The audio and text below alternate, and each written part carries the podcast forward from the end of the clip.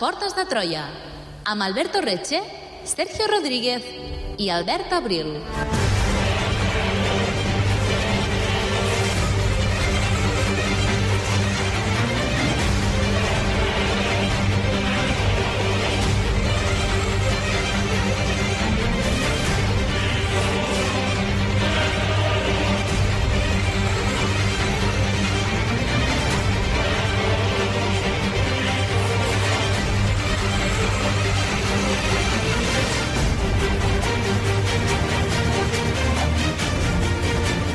Entre els segles XI i XIII, un grup de guerrers temibles es va fer un nom a Terra Santa, els assassins. Les seves històries van circular pels territoris sota domini sarraí, però també per tota l'Europa cristiana, gràcies a personatges tan coneguts com Marco Polo.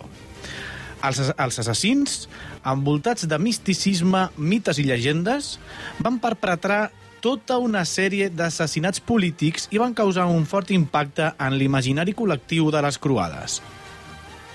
Avui, a les portes de Troia, ens dedicarem a explorar aquesta secta inhòspita i curiosa de tan difícil accés. Quina va ser la història dels assassins? Qui en va ser el fundador? Des d'on orquestraven el terrorisme i quina imatge ens ha arribat avui en dia? Benvinguts a la fortalesa de la Mut, benvinguts a les portes de Troia.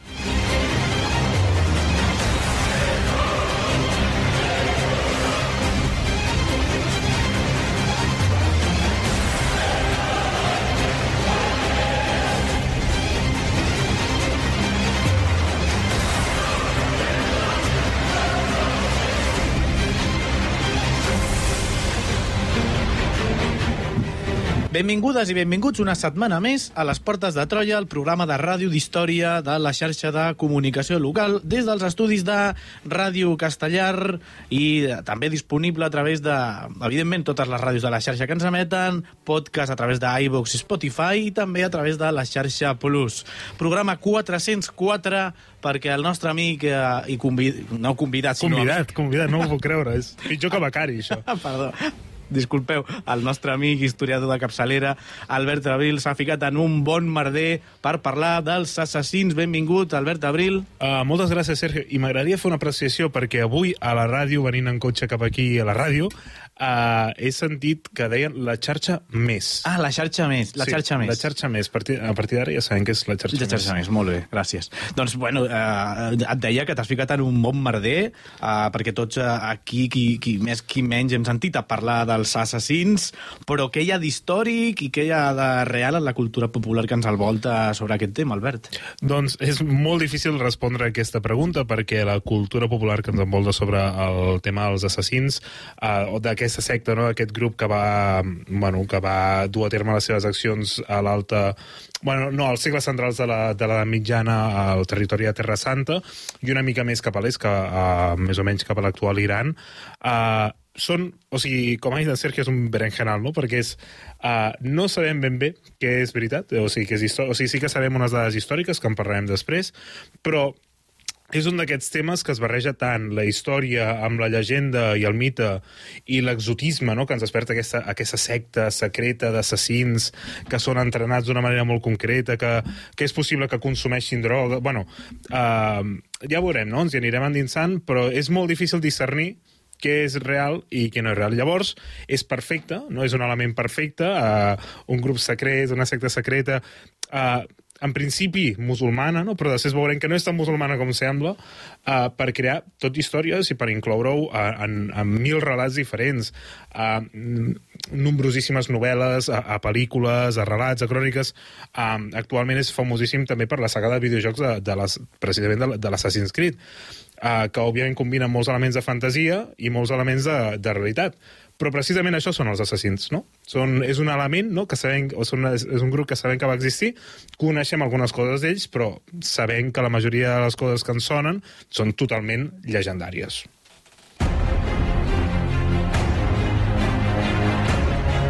Segueix-nos a facebook.com barra Portes de Troia o a Twitter arroba Portes de Troia.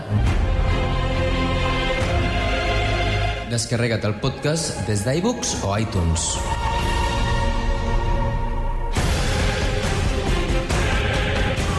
I descobreix tots els continguts del programa a la nostra pàgina web www.portesdetroia.cat.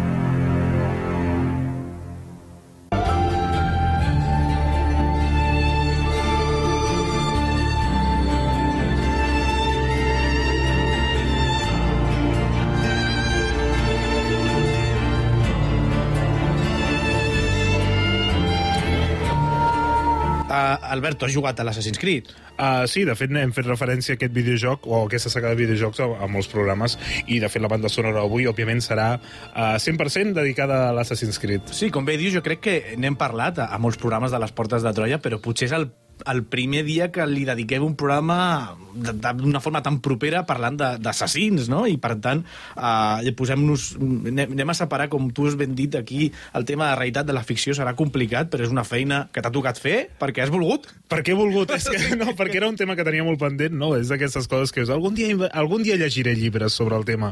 I l'altre dia vaig dir, va, pues, pues som-hi, no? Típica setmana que, que tens moltíssima feina a l'institut i dius, va, pues ens, ens posem a llegir coses dels assassins. Bueno. I bueno, i comences a preparar el guió i et vas adonant que és, bueno, és un pou sense fons. Sense fons. Llavors, aquest programa serà com així una mica uh, senzillet, no?, en certa manera, i si més endavant s'escau, uh, doncs ja en farem, ja farem coses més concretes. No estic No dic prometent res. programes. No dic res. Molt bé, Albert. Qui o què eren els assassins? Bé, els assassins eren una mena... Nosaltres al llarg del programa els direm assassins, sí, ja veurem que el nom, eh, prov... bueno, el nom és molt més variable, no? Però per facilitar-nos la vida nosaltres els direm els assassins. Mm -hmm. uh, eren una mena de secta, uh, un grup, uh, un moviment polític i religiós integrat per musulmans xiites ismailites que eren de, de la secta de la, de, de la secta o del moviment, moviment nizarita. Sí, després ja parlarem una miqueta sobre què era cada una d'aquestes d'aquestes coses. De fet, el nom eh, més correcte per referir- per referir-nos a ells eh, és, és, són els nizarís, però tampoc és ben bé exacte el, el, el nom correcte. Llavors, nosaltres eh, direm, parlarem dels assassins o dels nizarís per fer referència a aquesta, a aquesta banda. Uh -huh.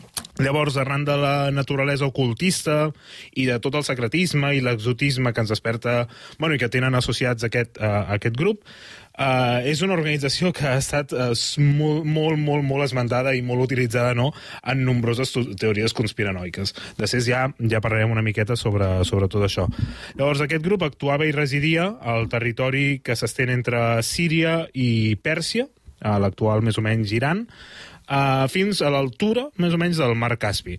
De, de fet, la seva principal uh, seu, la seva principal fortalesa, és Alamut, d'aquí també el títol del, del programa, que precisament es troba just al nord de Teheran, que és la, Teheran, la, la capital de, de l'Iran.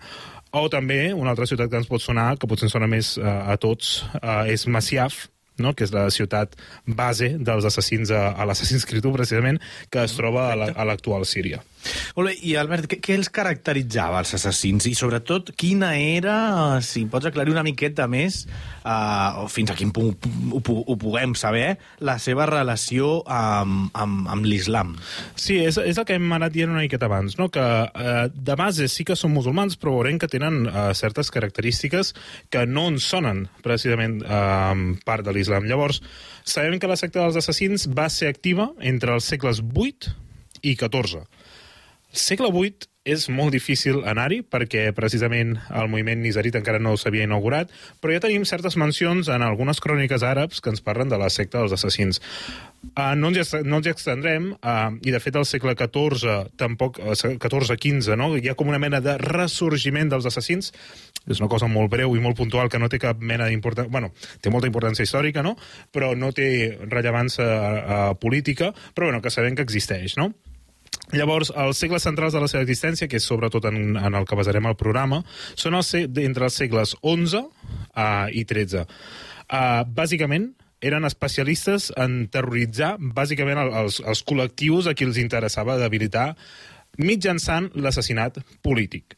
Els seus enemics, no? aquells que feien persecucions contra ells, els seljúcides, la dinastia bàssida, els prínceps croats, eh, són enemics de tothom, però també troben oportunitats en tothom, ja ho, ja ho anirem veient una miqueta.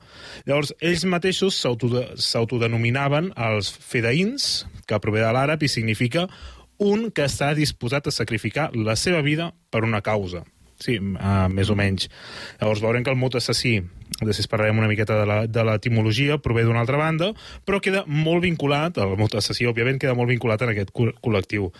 Uh, relació amb els musulmans, amb l'islam, um, les cròniques àrabs, uh, sobretot les cròniques musulmanes uh, contemporànies, ens demostren que uh, hi havia certa suspicàcia amb els assassins. És a dir, en molts casos no, s'afirmava que eren musulmans només de manera nominal i aquest distanciament religiós entre la secta dels assassins i, i l'islam um, ja no, o sigui, ja no l'islam sunita, que és el, el majoritari, i també era el majoritari, sinó també amb el xiita, um, no només era un, un distanciament dogmàtic a nivell de creença, sinó que també era un distanciament uh, totalment uh, polític, perquè ja veurem que en, en el context de les croades els assassins no dubten en cap moment en aliar-se, per exemple, amb els croats o, o perpetrar assassinats de, de líders musulmans, no? veurem com Saladí, el gran Saladí, no?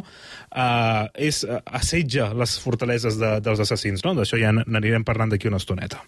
Tenim alguna font històrica que ens vulguis compartir, que això ens, eh, ens posi a, a l'època de forma primària? Sí, de fet en tenim unes quantes, després les, les citarem una miqueta per si algú vol aprofundir una mica més, però per il·lustrar una miqueta aquesta relació amb l'islam, uh, a mi m'agrada molt un fragment d'Arnald de Lübeck, uh, que és un escriptor que va viure entre el 1150 i el 1211 o 14 més o menys, en el seu llibre que és la Crònica Slavorum.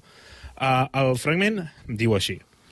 En terres de Damasc, Antioquia i Alep, viu a les muntanyes una raça de sarraïns que són anomenats vulgarment assassins i en llengua romans segnors de Montana. Aquesta raça viu sense normes i menja carn de porc, en contra de les lleis dels sarraïns. I cadascun s'uneix sense distinció amb qualsevol dona, inclús amb la mare o la germana. Llavors veiem no, com aquesta, aquesta idea, que precisament Arnald de Lübeck és, és, és, òbviament és un cristià, uh, però és una idea que ens està transmetent que, inclu, o sigui, que els cristians, el, uh, Occident ja els veia com, una, uh, com un grup exòtic, doncs els àrabs, el, els, la cultura àrab que, que triomfa en el Pròxim Orient, uh, també es veu com una cosa exòtica, com una cosa molt llunyana i molt difícil d'encaixar en les seves pròpies estructures. Llavors, uh, la relació amb el corrent principal de l'islam era bàsicament tangencial en el millor dels casos. Anem a veure si uh, gratem una miqueta més uh, investigant l- l'origen etimològic de la paraula assassí, Albert. La, a veure, la paraula assassí, eh, la majoria de les persones que es dediquen a estudiar-ho o, o que s'hi han fixat coincideixen en que eh, l'origen de la paraula com a tal sí que es troba en la història d'aquesta secta o d'aquest grup. Però tenim moltes interpretacions, no?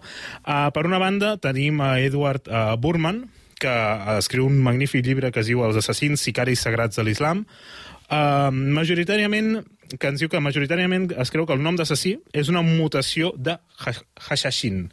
No, hashashin es, en àrab significa cons consumidor de hashis.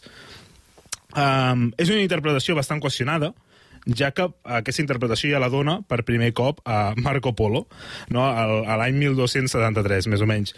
Uh, llavors Marco Polo descriu una droga, no? que se suposa que Marco Polo fa una visita a l'Amut, ja en parlarem després del seu, de, de la seva peripècia allà.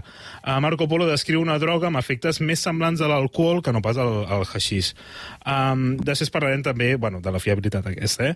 Uh, alguns altres autors suggereixen que assassí simplement significa seguidor de Hassan.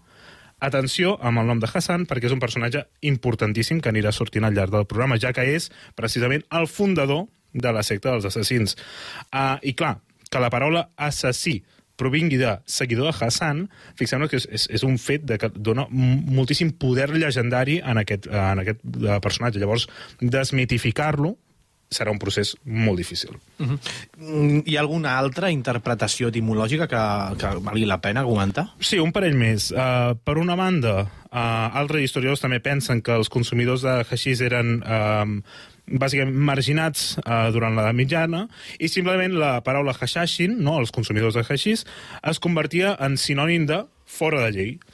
Així doncs, el, costum, eh, el consum de hashix no quedava necessàriament vinculat amb la secta ismailita de, de Hassan. De fet, en aquesta línia, molts arabistes han demostrat de manera prou convincent que el concepte ha hashashin eh, prové d'un nom poc apropiat i despectiu que utilitzaven els enemics per referir-se a ells. Per tant, és un, te és un terme bastant pejoratiu i, i de mala reputació. I com a exemple de tot això, eh, amb l'ús vulgar a Egipte als anys 30, el terme eh, hashashin era sinònim de sorollós o descontrolat. Per tant, aquesta hipòtesi ens diu que uh, hashashin simplement no vol dir addicte a l'opi, ai, a l'opti, al, al hashis, uh, simplement vol dir fora de la llei, no? amb aquesta connotació despectiva. I alguna última aportació pel que podria ser l'origen de, de la paraula assassins? Sí, aquesta és, és potser la que tant de bo fos la, la certa, no? Uh, clar, jo no, no em posiciono per cap perquè no sóc expert sobre el tema, llavors uh, Amin Malouf, en el seu llibre uh, Samarcanda, que és una... Ull perquè és una novel·la, no és un, no és un, no és un assaig, uh, ofereix, però tot i així ofereix una, una hipòtesi basant-se en, en moltíssimes fonts. Uh, explica la vida, en aquesta novel·la explica la vida de Hassan i l'origen de la secta, i puntualitza que entre els, entre els segles XI i XIII els seguidors de la secta nazarita, uh, xiites, isla, ismaelites, uh, anomenaven el assàs uh, la seva base, sí? que és, és uh, la base, el lloc d'on provenien els sicaris, no? a l'assàs, el lloc d'on provenien els sicaris. En aquest cas, a l'Amut, no? la ciutat fortalesa on vivia Hassan, el fundador. Uh, i llavors els seguidors de Hassan eren els al-assassin, que vol dir els que venen de la base, o els que són de la base.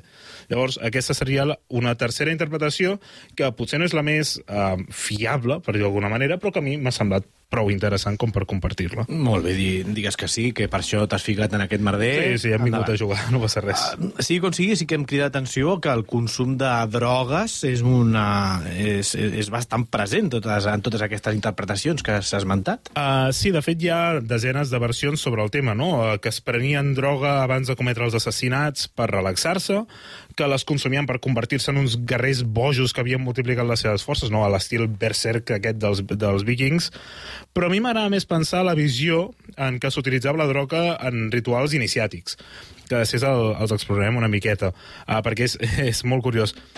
Tanmateix, és molt curiós, uh, o sigui, és, és molt difícil que s'utilitzessin drogues per potenciar la seva força o per relaxar-se, ja que la mentalitat que ens escriuen totes les fonts que tenia Hassan o tots els líders espirituals de la secta és que eren molt austers i és molt estrany que, una, que persones tan austeres, tan fredes i tan rectes com se'ns descriuen permetessin l'ús de les drogues o de substàncies o estupefaents per potenciar el combat.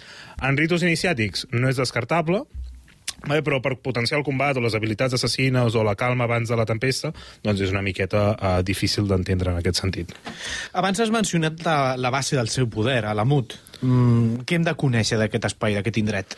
Doncs l'Amut és un lloc... Uh, preciós, o sigui, uh, preciós, segur, no hi he estat, però les imatges... Podeu buscar imatges a Google, és un lloc on es sí. conserven les, les, els fonaments de les fortificacions. Llavors, uh, hem d'entendre uh, molt també que no tenien una única base. Uh, veurem com els líders es dediquen a construir fortificacions i enclaus estratègics. Uh, una altra ciutat que, contro uh, que controlaven, uh, és a dir, també controlaven ciutats, és la, com ja l'hem anomenat, és la Massiav a, a Síria, uh, que allà s'expandeixen a partir del segle, a partir del segle XII. Llavors, què és Alamut? Alamut és un castell, fortalesa o roca, és un lloc real que s'ha transformat en un lloc llegendari, uh, que avui en, dia, avui en dia es troba al sud-est del mar Caspi, encara, i, i com ja hem dit, encara s'hi troben les, les ruïnes.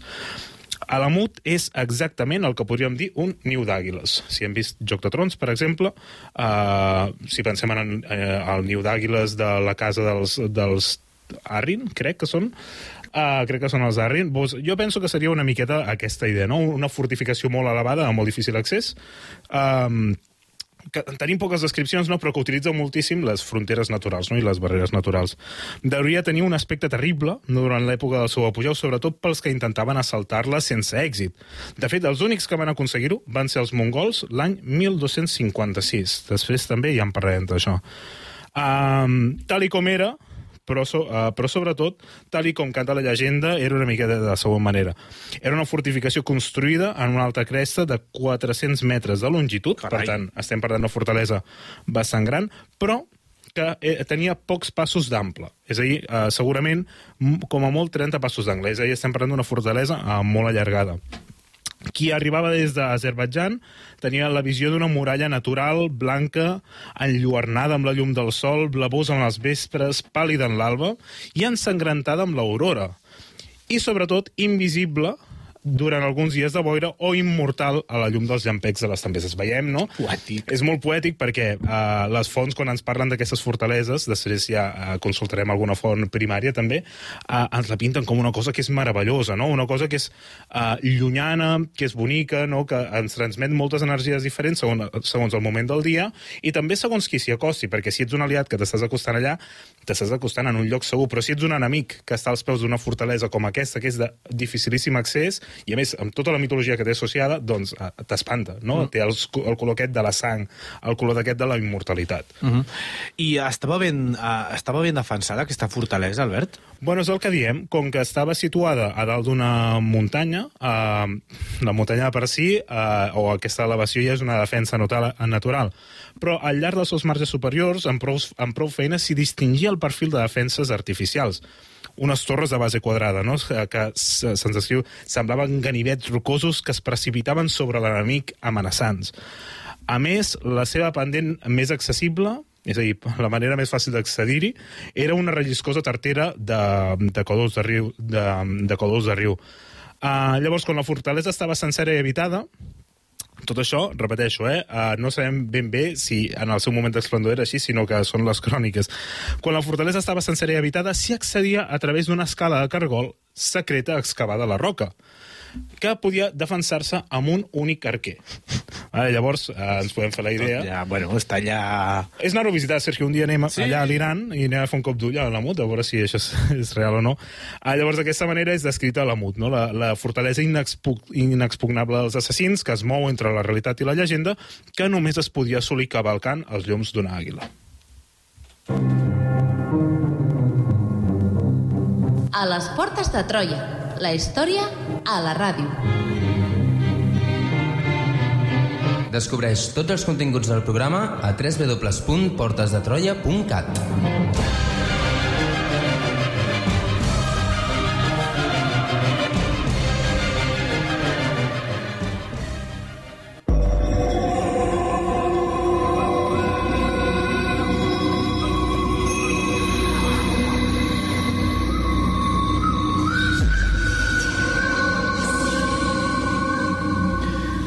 Albert, comencem ja, hem situat els orígens de la paraula assassín, hem- l'emplaçament geogràfic del programa d'avui, comencem a filar la història. Com va començar això dels assassins, aqu- aquesta història? Clar, la història dels assassins és molt difícil, o sigui, la història que ens ha arribat sobre ells, no? la història que s'ha construït sobre ells, uh, òbviament s'emplaça la- al gènesi, no? s'emplaça a la mitjana, uh, amb un ventall molt ampli d'escriptors. Llavors, potser els escriptors que sembla que ens donin informacions més uh, històriques, entre cometes, són els cronistes propers als croats. Per exemple, tenim a Guillem de Tir, a, a Joan de Joinville, a Gerard d'Estrasburg, Arnald de Lübeck, Benjamí de Tudela. Tenim moltíssims cronistes àrabs, però els àrabs també quan ens parlen de, de la secta dels assassins, els pinten més com un element més llegendari. Llavors és més difícil, uh, jo també és, és cert que m'hi he fixat menys en les, en les fonts àrabs, però també és cert que és més difícil uh, destriar no? què és històric i què és llegendari. Potser ja, si hi ha més temps endavant, doncs ja, ja ho farem. Uh, tot això també passem per un personatge que hem mencionat a la introducció, i és que Marco Polo, en els seus viatges també inclou un viatge a la, a la MUT. Llavors també ens proporciona moltíssima informació i, de fet, tot el mite dels assassins s'asseu moltíssim, se senta sobre els relats de Marco Polo. Fins a uh, Joseph von Hammerpuxtal, que és l'autor de la història dels assassins, uh, una, però aquest personatge ja estem parlant d'un personatge de començaments del segle XIX. Uh, aquest, el que, aquest, uh, aquest alemany el que faria seria agafar tot el que s'ha escrit de, dels assassins i òbviament en època d'un uh, un incipient romanticisme, no? el 1808, donar-li un contingut molt més mitològic, molt més èpic, no? molt més uh, romàntic. Allò... Bueno, clar, és que els assassins són una secta oculta, no sé què, no sé què, és carne, de, un altre cop, carne de romanticisme. I sobretot això és uh, sobre el que s'ha anat construint la història dels assassins. I uh, quin seria el grau de fiabilitat de totes aquestes fonts que ens està explicant? Uh, molt variable. La veritat és que molt variable. Clar, en gairebé totes les fonts es barreja la llegenda amb la història de manera, de manera gairebé irreparable. Uh, hem de pensar que les cròniques serraïnes, els, o ja ho hem dit, no, es qualifiquen de sectaris i en molts casos de pseudolegendaris. Llavors, els, els escrits cristians sí que sembla que ens donen alguna dada més històrica, però els continuen veient com alguna cosa exòtica, una cosa rara. Uh, de fet, la, la majoria del coneixement, com ja hem dit, prové dels escrits de, de Marco Polo, que se que va visitar Alamut l'any 1273. Què passa, bro? És molt poc probable que visités Alamut perquè el 1256 Alamut havia estat arrasada pels mongols. Llavors, uh, com és que Marco Polo està visitant una ciutat que va ser arrasada uh, 20 anys abans de la seva visita? No? Potser sí que va visitar les ruïnes o alguna cosa. Però, clar, és molt difícil, no, amb aquestes informacions, dir, hòstia, tant de bo ens poguéssim fiar de Marco Polo, tant de bo ens poguéssim fiar del que ens estan dient. Però com que, segons els interessos de l'època, la mentalitat de l'època i el context, no? estem en, enmig de les croades, no? ens estem movent entre Síria i Pèrsia, que precisament són gairebé, sobretot Síria, no? l'epicentre, un dels epicentres de les croades, en aquesta disparitat d'interessos, religions i, i xoc de cultures i intercanvi també uh, cultural, és molt normal que una cosa així sorgeixi i no acabem de saber ben bé si és veritat, si no és veritat, uh, què hi ha de mentida, què hi ha llegendari, etc. Has dit que la secta dels assassins es desenvolupa sobretot als territoris de Síria i, i Pèrsia, que seria l'actual Iran, més o menys. Uh, llavors, l'existència dels assassins, com, ara, com ens arriba a Europa? Eh, doncs precisament a través d'aquests autors que hem citat una miqueta abans. Llavors, eh, per molt que la secta dels assassins sapiguem que es va inaugurar o es va fundar al segle XI, l'arribada dels escrits a Europa eh, comença bàsicament al segle XIII. Els croats van començar a difondre una estranya història que més tard confirmaria Marco Polo, Uh, que, que, que tractava sobre una misteriosa secta de guerrers, coneguts com els Hashashins, que vivien a les muntanyes de Síria, no? també les muntanyes de Pèrsia, però sobretot els croats tenien contacte amb, amb els assassins de, de Síria. No? Els, els croats mai, mai es van integrar tant en el territori, de, de, en, en el territori, per, territori persa. Uh, aquesta secta, aquest grup, no? Saber, o sigui, uh, els relats que arribaven a Europa s'explica que practicaven l'assassinat indiscriminat com a forma de terrorisme i tenien com a guia i sobirà atenció, una altra figura, el vell de la muntanya que el vell de la muntanya veurem que serà el títol honorífic no, del líder de, del grup dels assassins, després ja en parlarem.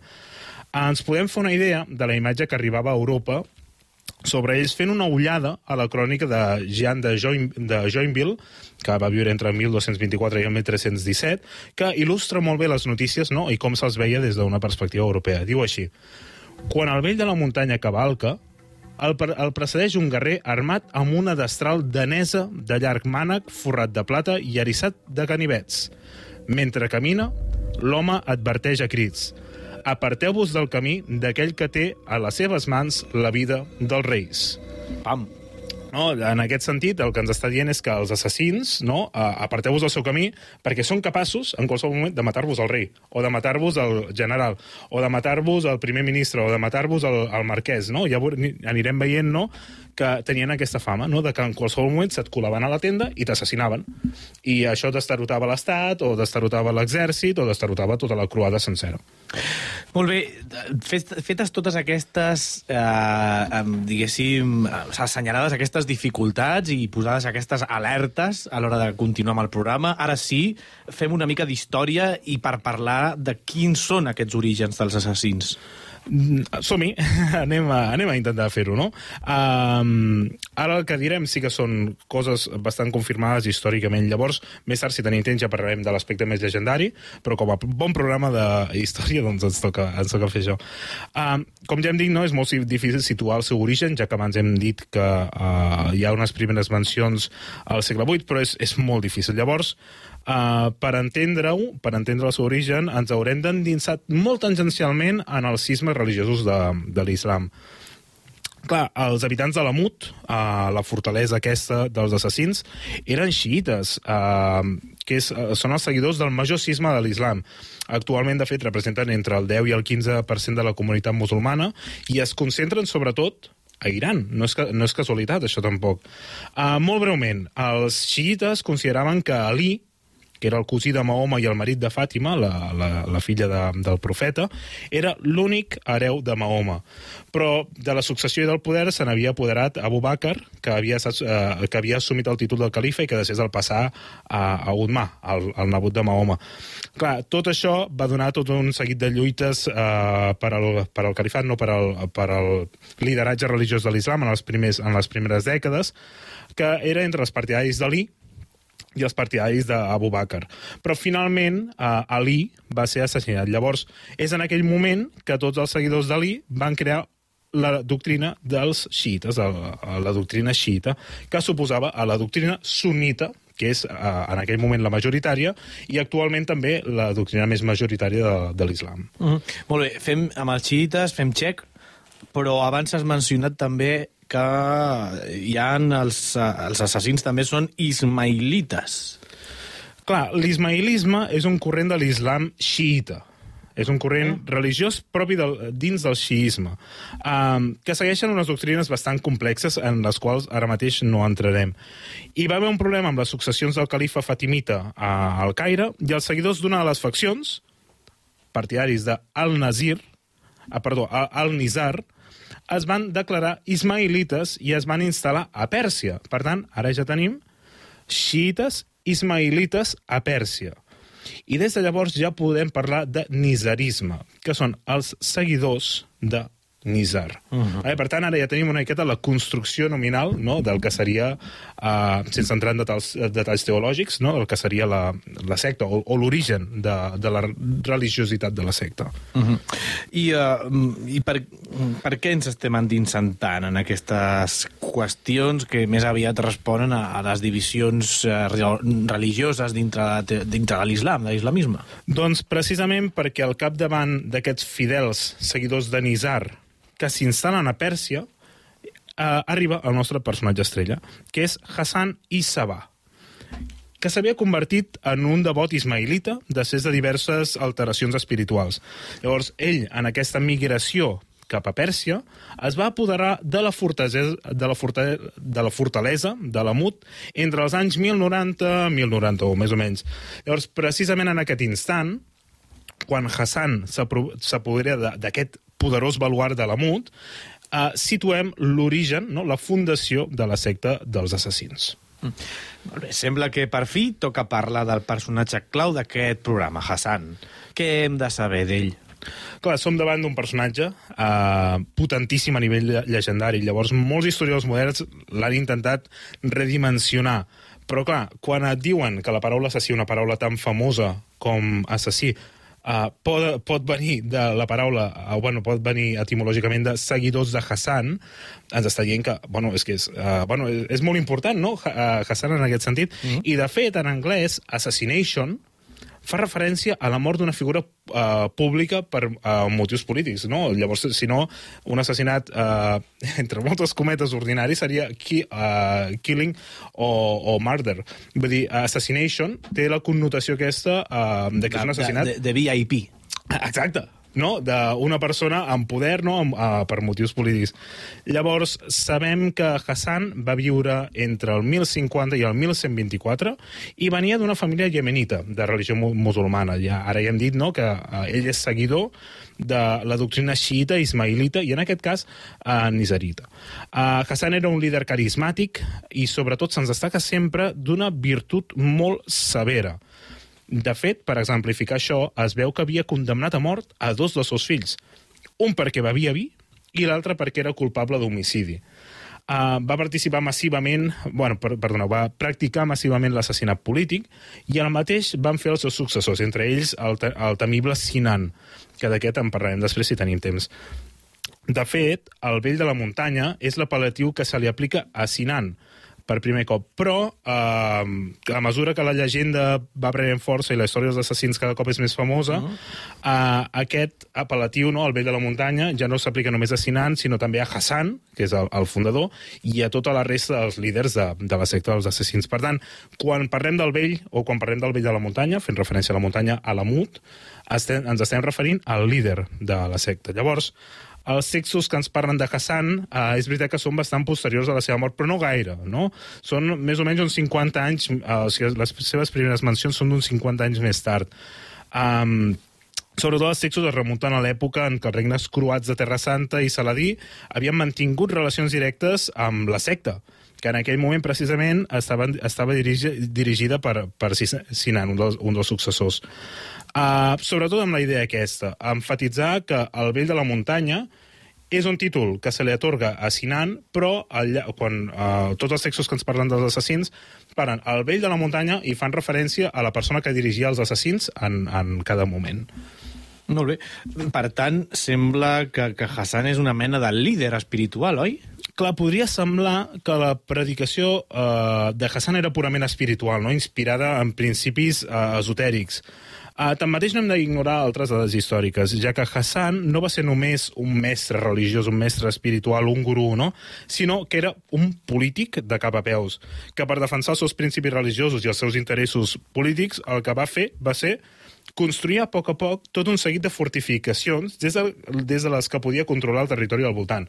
No ens hem d'imaginar grans castells, sinó que ens hem d'imaginar fortaleses com Alamut, no? a dalt d'una muntanya, excavada d'una roca, Uh, més tard, de fet, ja al segle uh, XII, aquests enclaus que havien començat a, aparèixer gràcies a, a Hassan uh, al, mig de, uh, al mig de Pèrsia, es van expandir fins a Síria, on els assassins van adquirir ciutats senceres, com el, el cas de Masyaf. Alamut no, era la fortificació més important, uh, ja que també, a més a més, estava just al sud del mar, uh, del mar Caspi i, i estava al mig dels camins que comunicaven Azerbaijan, Iraq, i a més es trobava al, al, una mica al nord de la capital d'Iran. Uh, allà, en aquesta fortalesa, és on va viure i també on va morir, rodejat dels seus fidels, Hassan i Sabah que és el, bueno, és el fundador, no? diríem que és el personatge central de la secta dels assassins.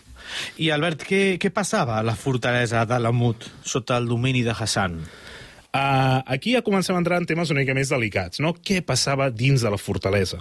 Uh, clar, en un inici aquest personatge tan fascinant, mític i ferotge com seria Hassan, uh, la majoria dels escrits coincideixen que allà reunia, criava i educava des de la infància els seus acòlits, que eren els uh, fedain, els fidain, que ja n'hem parlat abans, no? que significa els que estan compromesos a una causa, causa uh, fins la mort o els fidels fins la mort, etc. Llavors, eh, ell els utilitzava per dur a terme els seus assassinats polítics, que bàsicament és la tècnica que utilitzava sempre per sortir-se de tots els entramats que es pogués trobar. I, I anaven vestits amb caputxa? Tant de bo. I es tallaven un dit perquè la hoja oculta aquella els hi, els hi circulés bé. no sé, d'això no... Ho deixem com a incògnita, poder sabrem alguna cosa o no, que al final del programa és més no, no, no, no, no, no sabrem res d'això. No, no, sabrem res d'això, ja està. Bueno, les caputxes sí que ho bueno, o sigui, no, no la, el vestuari, però sí que tendien molt a disfressar-se de monjos per infiltrar-se en les files croades, precisament. Mm. Després ja en parlarem d'això, si podem. Alguna anècdota més que vulguem que vulguis recollir sobre aquest tema, Albert? Sí, un parell que m'han semblat bastant il·lustratives no, d'aquest personatge de, de Hassan. Uh, Il Novelino, uh, un recull d'històries curtes d'autor anònim escrites en toscà vernacular entre el 1280 i el 1300. Uh, aquest personatge segurament era gibelí, no? partidari de l'emperador Hohenstaufen, al, al mig dels conflictes dels Wells i els gibelins. Ens parla sobre com Frederic II Hohenstaufen, emperador del, del Sacre Imperi, va visitar Alamut, com o no, no? l'emperador del Sacre Imperi va visitar Alamut. Um, no podem confirmar, jo veig bastant poc probable que l'emperador anés al cor de Pèrsia a visitar una fortalesa d'una muntanya. Uh, en aquest conte ens explica que el vell Hassan, per demostrar-li el poder a l'emperador, uh, va assenyalar a dos dels seus joves que es trobaven al punt més alt d'una torre. Quan els va assenyalar, es va tocar la barba i just quan, quan Hassan es va tocar la barba, els dos joves es van precipitar al buit i es van estampar contra el terra per demostrar la seva fidelitat cap a Hassan.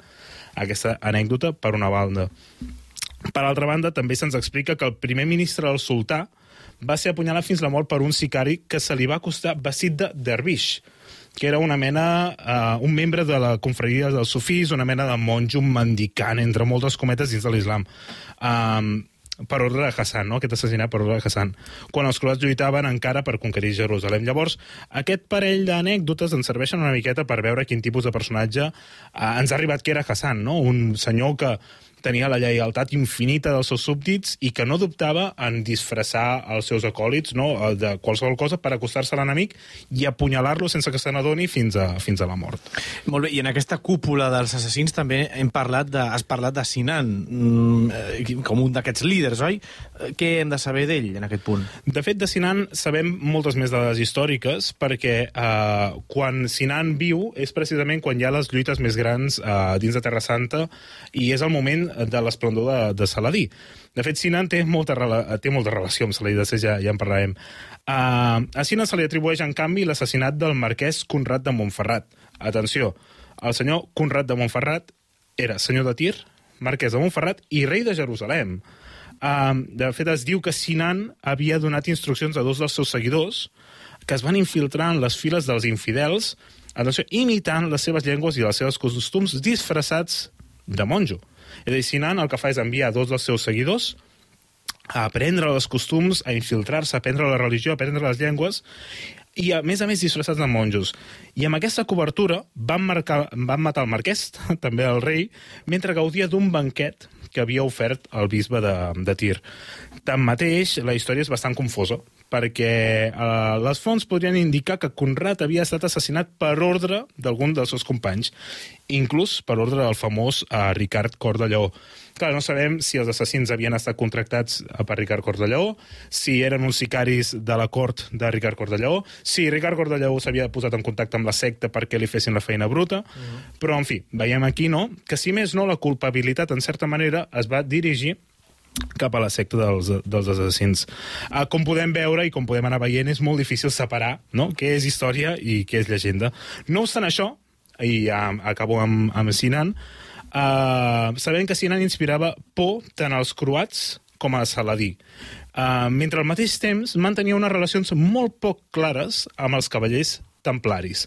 I això un altre cop ens torna a parlar no, de, de l'Assassin's Creed, de la relació aquesta que tenen els templaris amb els assassins, d'estar-se uh, putejant entre ells tota l'estona, que veurem que hi ha algun episodi d'aquests, però sabent que Sinan tenia una relació curiosa amb els templaris. Això ens torna a, a pensar no, amb tot el tema de l'ocultisme, no, tot el que està relacionat amb els templaris, amb el sang real un altre cop, no amb els assassins, i és, és un caldo que és perfecte no, per inventar-se històries llegendàries sobre aquest tema. Va ser, va ser ell, uh, va ser Sinan qui va protagonitzar l'expansió dels assassins cap a Síria? Sí, um, aquí Sinan va ser molt viu. Um, en un moment en què la situació estava una mica tensa, Uh, va pensar que el territori de Síria era clau, perquè allà col·lisionaven mons totalment diferents. L'imperi bizantí es trobava al món musulmà, els xiites i els sunites vivien en certa harmonia, i feien frontera als territoris seljúcides amb els fatimites i els regnes cristians croats. Llavors, en tot aquest teixit, no aquest, uh, Alberto, crisol de, de cultures i de civilitzacions que s'unien a Síria, no? Síria, de fet, ja sabem que històricament uh, és un enclau que és eh, importantíssim no?, per entendre la circulació de béns materials i culturals a través del Mediterrani. Um, en aquest teixit els assassins eh, passarien prou des desapercebuts i també en aquesta situació tan diversa hi havia tant oportunitats com amenaces per ells. No? Ja, si tenim temps ja ho desenvoluparem una miqueta més. I uh, quin va ser el final dels assassins d'aquest entramat? Doncs els assassins uh, van ser destruïts per dos enemics uh, que en, compara en comparació al seu volum, no, la seva uh, potència militar, eren enemics monstruosos. Per una banda, tenim els mamelucs, que havien usurpat el poder a Egipte de mans de, de la dinastia Ayúbida, la, dinastia, la dinastia de, de Saladí, i pressionaven el que quedava del califat abàssida cap al nord. Per tant, per una banda tenim aquesta amenaça. Per altra banda, tenim l'amenaça dels mongols des de l'est, que sabem que precisament els mongols eh, van ser un dels eh, punts claus del final, del final del califat abàssida. Um, el senyor de la guerra mongol, uh, Hulegu, un dels nets de Genghis Khan, Uh, ell mateix va ser el protagonista d'aquesta gran invasió, no? Tenia l'encàrrec de governar Pèrsia, combatre els abàssides i també combatre els ismailites. De fet, va destruir a un de, uh, va destruir un a un tots els enclaus fortificats dels ismaelites, va posar setge a l'Amut, com ja hem dit abans, al 1256, i durant l'atac es van destruir totes les fortificacions i, sobretot, la biblioteca. Uh, la base del poder dels assassins va ser reduïda a cendres, sense cap mena de piedat, i tota la documentació que havien reunit sobre ells mateixos doncs va, a, amb, amb aquest incendi, amb aquesta destrucció, va desaparèixer totalment. El que sí que hem de dir és que la base, les bases de Síria, en el cas concret de Masyaf, que és de la ciutat que tenim més, més uh, referències, va ser rendida de manera pacífica. Però això ja és una altra història. I uh, van tenir algun ressorgiment els assassins després de, de, de caure aquí a mitjans del segle XIII?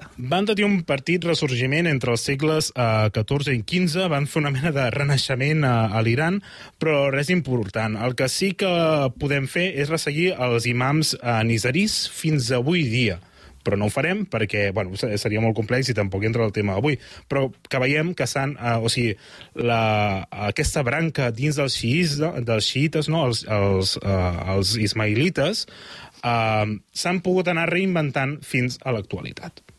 A les portes de Troia. Descobreix la teva història.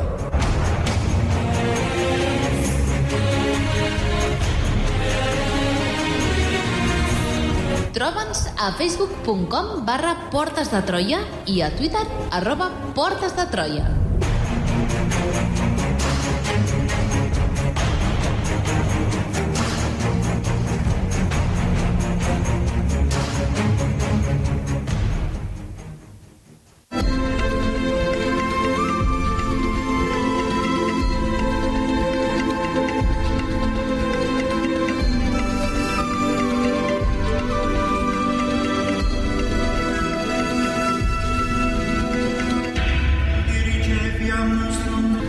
Encetem la, la recta final del programa amb una missió arriscada, endinsar-nos al funcionament intern de la secta.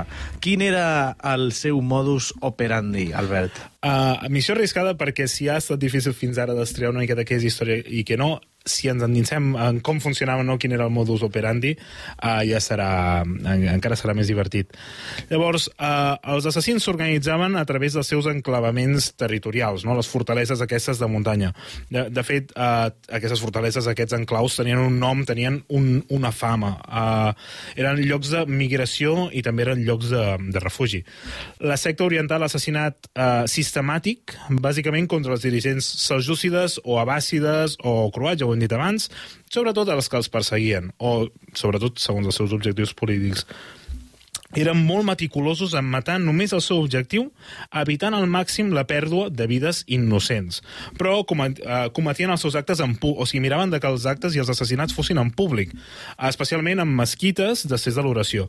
Així s'asseguraven de mantenir la seva reputació de terror gràcies al, bueno, precisament això, no? gràcies al, als, als espectadors que hi havia en els mm-hmm. assassinats. Habitualment s'aproximaven a les víctimes disfressats, no? camuflats, dissimulant, parlant llengües, eh, participant de cultures estrangeres, um, i utilitzaven una arma com una daga, mai verí o altres armes, si més no, el que he pogut trobar. Uh, dominaven el coll de la guerra islàmic i eren entrenats en combat, disfresses i equitació.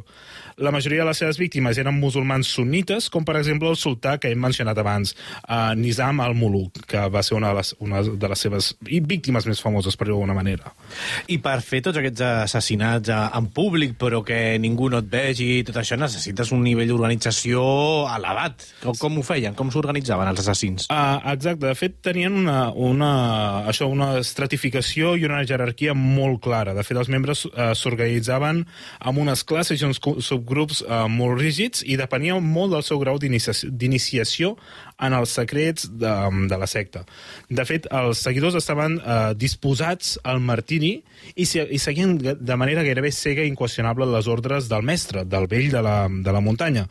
Durant els anys d'esplendor, el grup va inspirar un terror desproporcionat respecte al seu nombre i membres, perquè eren molt pocs i tenien uh, territoris molt limitats. Però uh, això que uh, explicaré a continuació és fruit de la... Uh, bueno, això, uh, o sigui, que és fruit de la novel·la negra, no? d'aquesta aquest, llegenda negra que se'ls associa. I, per tant, no és 100% fiable. Però, uh, si més no, se'ns fa una mica la idea de quina imatge teníem so, uh, tenien sobre ells. I, a més a més, abans has mencionat no ens oblidem, els oients ho estan retenent, Segur. que van tenir certa relació amb Saladí. Exacte, de fet, en, en l'època de Sinan, eh, Saladí eh, va rebre diversos intents d'assassinat per part de la secta dels assassins. Uh, no sabem si van ser governants de ciutats enemigues de Saladí que els van contractar o els van incitar o van ser els propis assassins que vetllaven per, per treure's de sobre un rival tan poderós com seria uh, Saladí.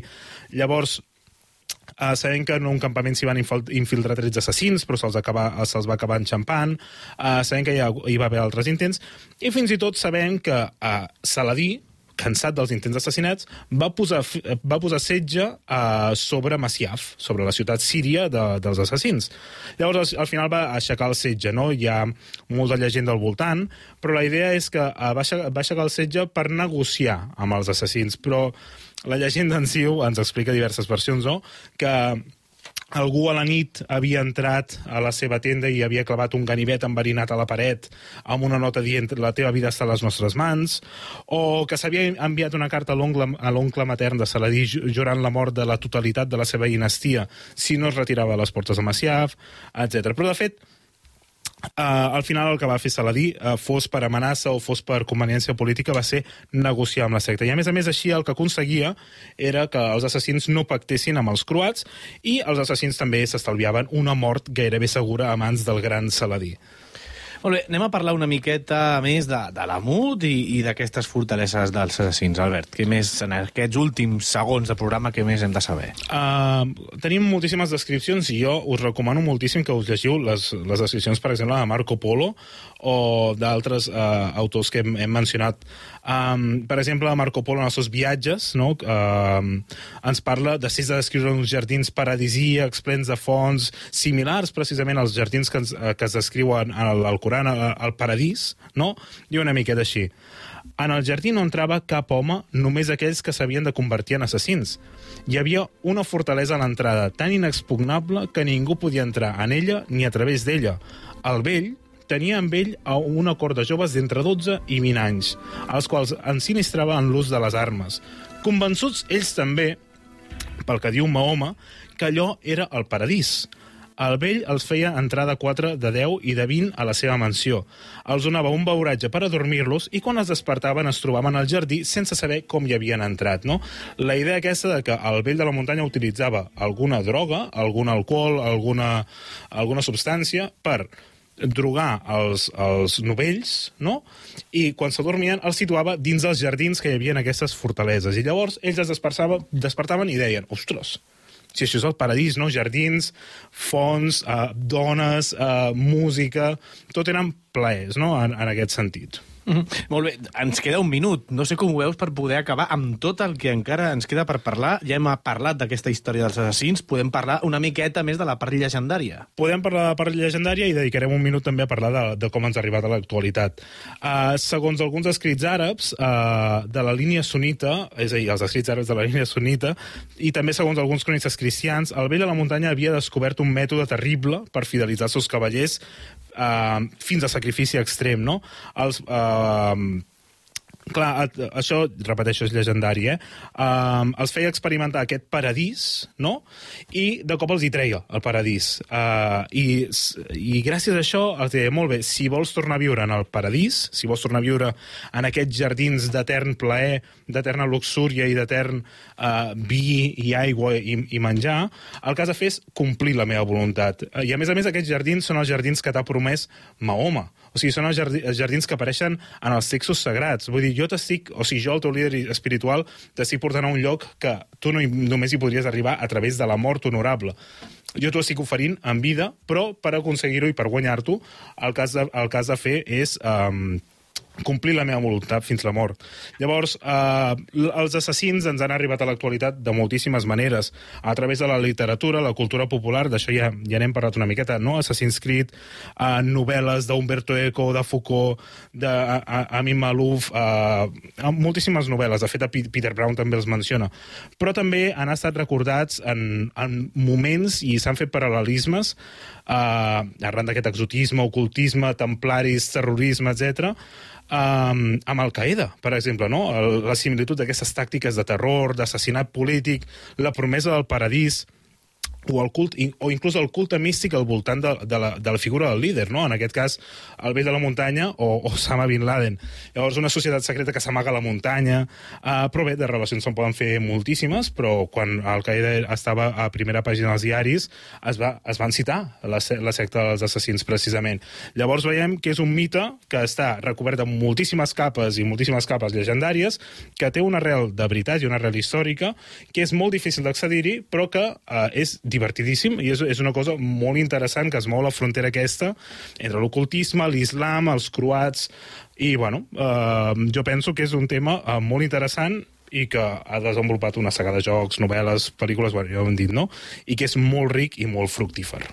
I et donem gràcies per haver portat aquest tema aquí a les portes de Troia, que, de Troia, que tenia una certa dificultat. Moltíssimes gràcies, Albert Abril. A tu, moltes gràcies. L'Adrià Tirado del control tècnic i us parla Sergi Rodríguez i nosaltres, una mica sobre de temps, eh, us deixem fins la setmana vinent amb un nou programa de les portes de Troia.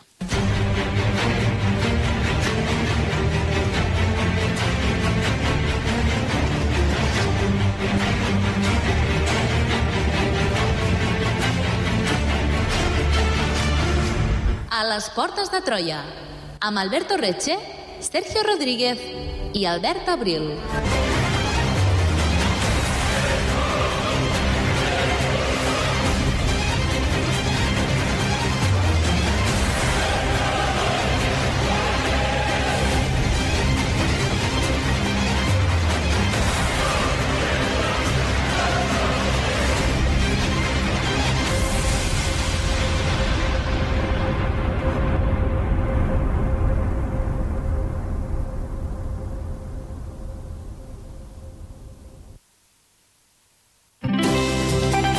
Escolta Ràdio Seu on i quan vulguis.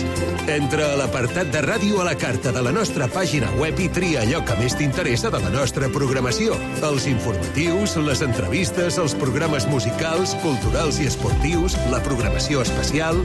On i quan vulguis, Ràdio Seu. A la carta des de la nostra pàgina web radioseu.cat.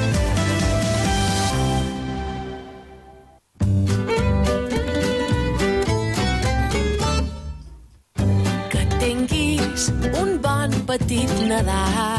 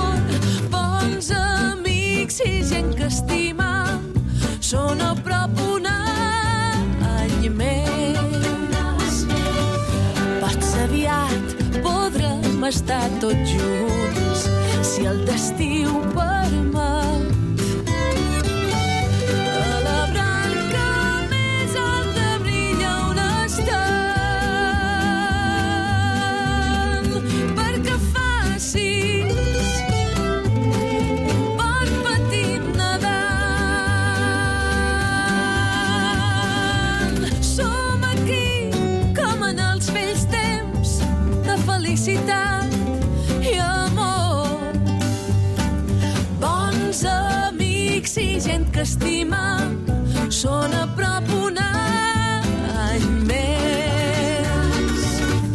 Pots aviat podrem estar tots junts si el destí ho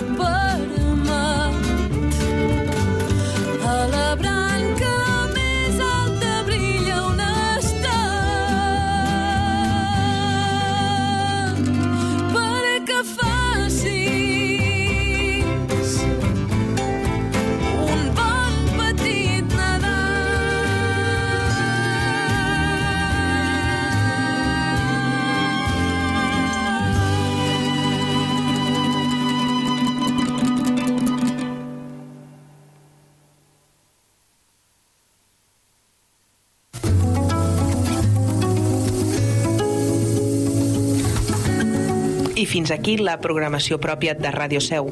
Connectem amb Catalunya Ràdio.